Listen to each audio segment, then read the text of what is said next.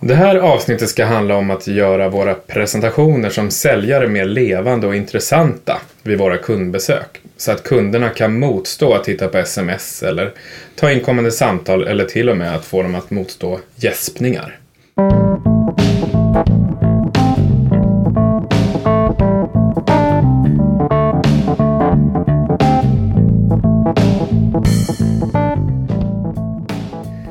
Problembeskrivning av dagens ämne. Det finns tre övergripande problem med de flesta säljpresentationer, vilket är att vi säljare, för det första, håller samma presentationer för alla oavsett kunskapsnivå. För det andra, vi håller samma presentationer för alla utan att veta kundens intressenivå eller vad de faktiskt vill veta. Eller för det tredje så pratar vi för mycket och gärna till varje bild i presentationen.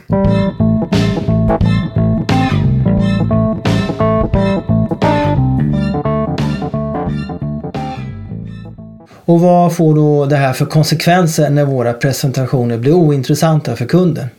Jo, det är tre problem eh, som Christian nämnde och det skapar i stort sett samma konsekvenser, nämligen att intresset blir lägre och eh, det blir ganska tydligt genom följande beteende hos kunden. Och, och, och Ja, ni kanske alla har varit med om någon gång att kunderna tittar på mobilen när den piper till och är det riktigt illa så tittar de faktiskt på mobilen ändå och hoppas att det ska komma något int intressant än det man just presenterar.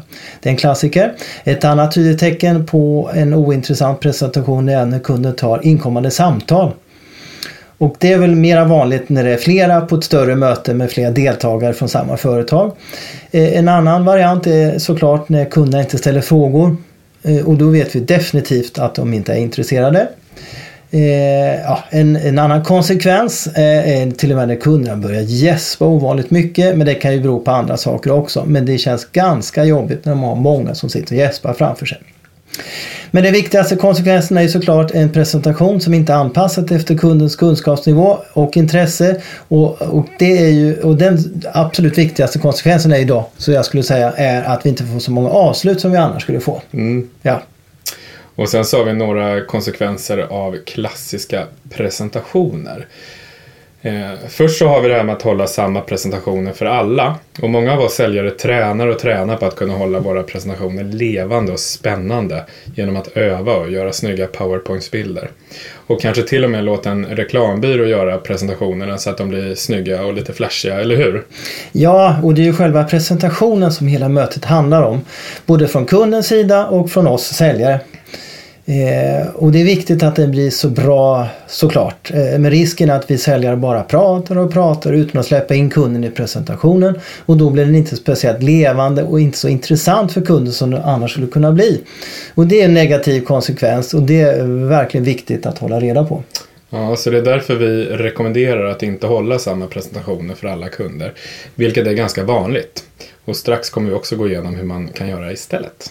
Ja, till exempel att presentera sina produkter och tjänster utan att veta kundens kunskapsnivå. Alltså den som sitter framför oss. Vi måste ta reda på den personens kunskapsnivå och erfarenhet om det vi ska prata och sälja om.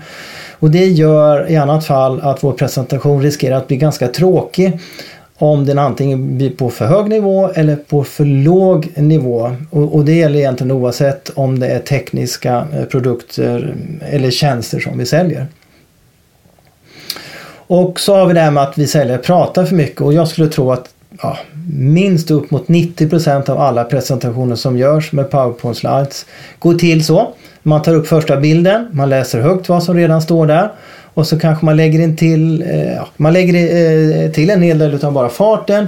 Men med god entusiasm såklart. Och, och med fokus på att berätta om sina produkter eller sina tjänster från A till Ö, från bild till bild. Ja, och så säljer, säger vi säljare också gärna eh, avbryt gärna med frågor. Och i värsta fall, vilket inte är helt ovanligt, ber säljare att de som lyssnar ska vänta med sina frågor till sist när man är klar. Och det här sättet påverkar verkligen intresset och definitivt avslutsgraden. Ja, och så har vi faktiskt ett problem till och det är att man inte har någon presentation alls eller någon powerpoint eller någonting. Och då uppfattar eh, man man uppfattas som ostrukturerad och mötet blir också väldigt ostrukturerat för kunden får jättesvårt att få en överblick om vad vi pratar om. Speciellt om kunden inte kan så mycket om våra produkter och tjänster och konsekvenserna blir oftast att det är svårt och visa vad vi ska sälja och det är svårt att se vilka fördelar våra produkter och tjänster har.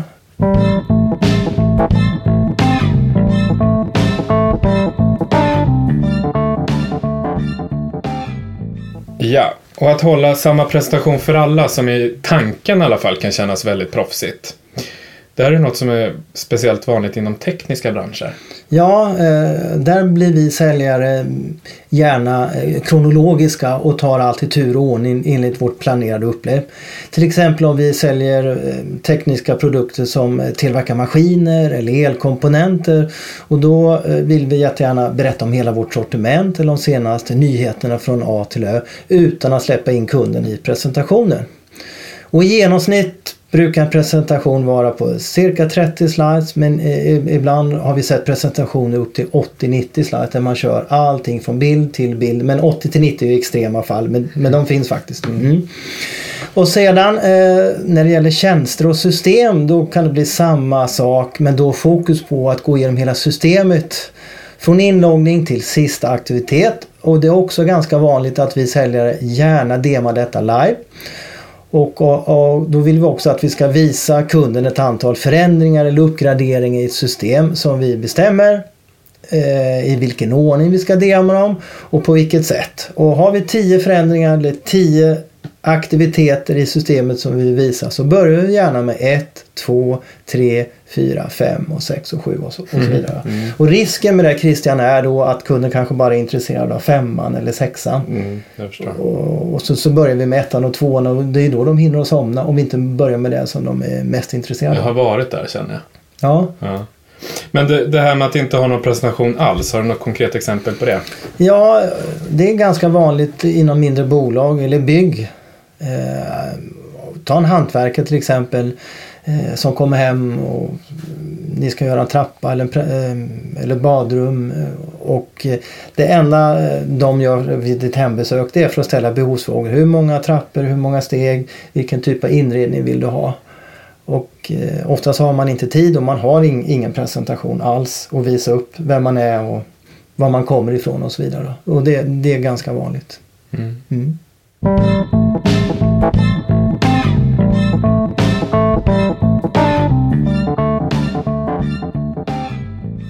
Presentation av säljcoachens säljteknik då. Så hur ska man göra för att få till en presentation som skapar intresse och delaktighet och leder till fler avslut? Eller framförallt att göra att ingen kollar på sms eller gäspar onödigt mycket. Jo, det är två saker vi ska tänka på. Ja, för det första så ska vi intervjua kunden innan presentationen. Och för det andra så ska vi använda presentationen som ett underlag för att ställa frågor.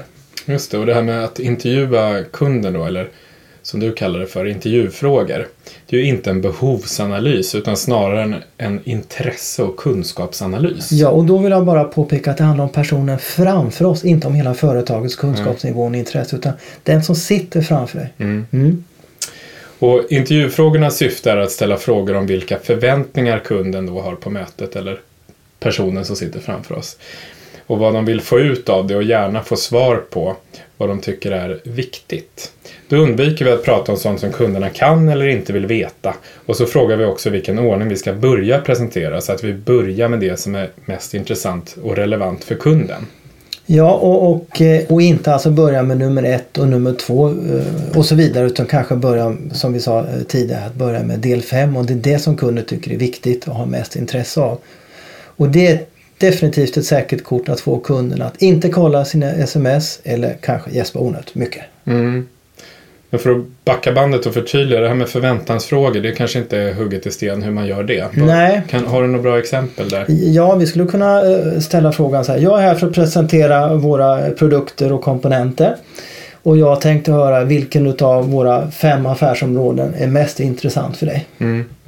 Vad vill du att jag ska börja presentera helt enkelt? Mm. Mm. Vi skulle kunna säga om vi säljer till exempel försäkringar och så ringer kunden upp och frågar så här. Berätta vad har ni för hemförsäkringar? Och då skulle jag kunna säga jag ska strax berätta om hemförsäkringen men säg två, tre saker som du tycker är viktigt med försäkringen som du vill att jag ska prata om. Så Mm. svårare så behöver det inte vara. Nej. Men det får ett helt annorlunda möte. Mm. Och eh, viktigt är också, också att vi ställer de här frågorna innan vi gör vår eh, presentation eh, såklart. Och vilket konstigt nog väldigt få av oss säljare faktiskt gör. Och man kan tycka att det är självklart att göra det men hittills har jag i min säljkarriär inte träffat på någon enda säljare som faktiskt gör det. Men effekten blir otroligt bra eftersom frågan sätter kunden i centrum. Och dessutom så får vi kunden ganska tidigt i mötena börja tänka. Och eh, som säljare vill vi gärna ha en kund som tänker och närvarande, inte bara rent fysiskt. Det tar bort eh, tankarna på dagis och, och andra aktiviteter eller nästa möte.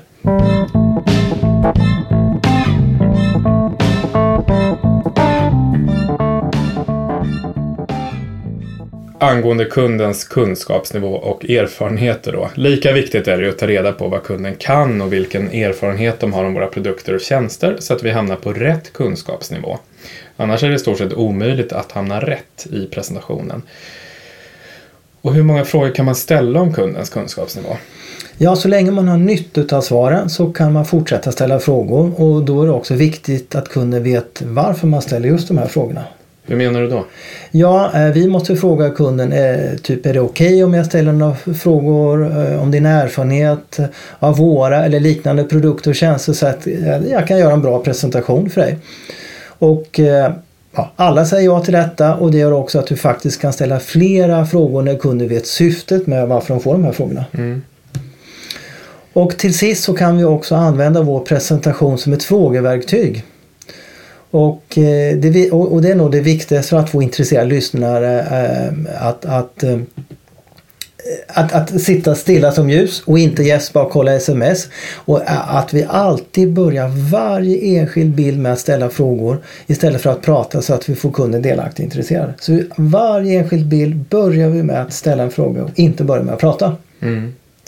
Och då blir det ju så att när man har presenterat det kunden vill veta så kan man avsluta varje bild med att ställa behovsfrågor istället. Då. Ja, och det gör faktiskt att när man är klar med presentationen så har man fått alla uppgifter för att kunna göra en offert. Så lite kort igen, så till varje bild, om man har en powerpoint-bild, så ska vi börja med att ställa frågor. Vad vill de veta? Vilken kunskapsnivå har personen som sitter framför oss? Och vilka finns det eventuellt behov för den här produkten eller tjänsten? Mm. Och just det här med kunskapsfrågorna när kunden får prata om sig själv, så det brukar ju alla gilla. Vi har tidigare pratat om det här med bekräftelse. Eftersom det är sällan någon frågar i detalj om ens kunskaper och hemma kanske de inte ens vet eller förstår vad vi gör på vårt jobb.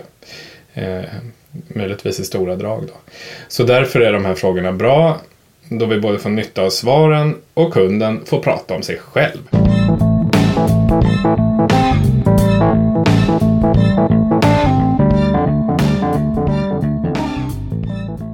Sammanfattning av tre tips. Håll inte samma presentation för alla. Intervjua kunden om kundens förväntningar och kunskap. Förbered dina frågor innan mötet. Ja. Tack för den här gången. På återseende. Hej då. Hej då!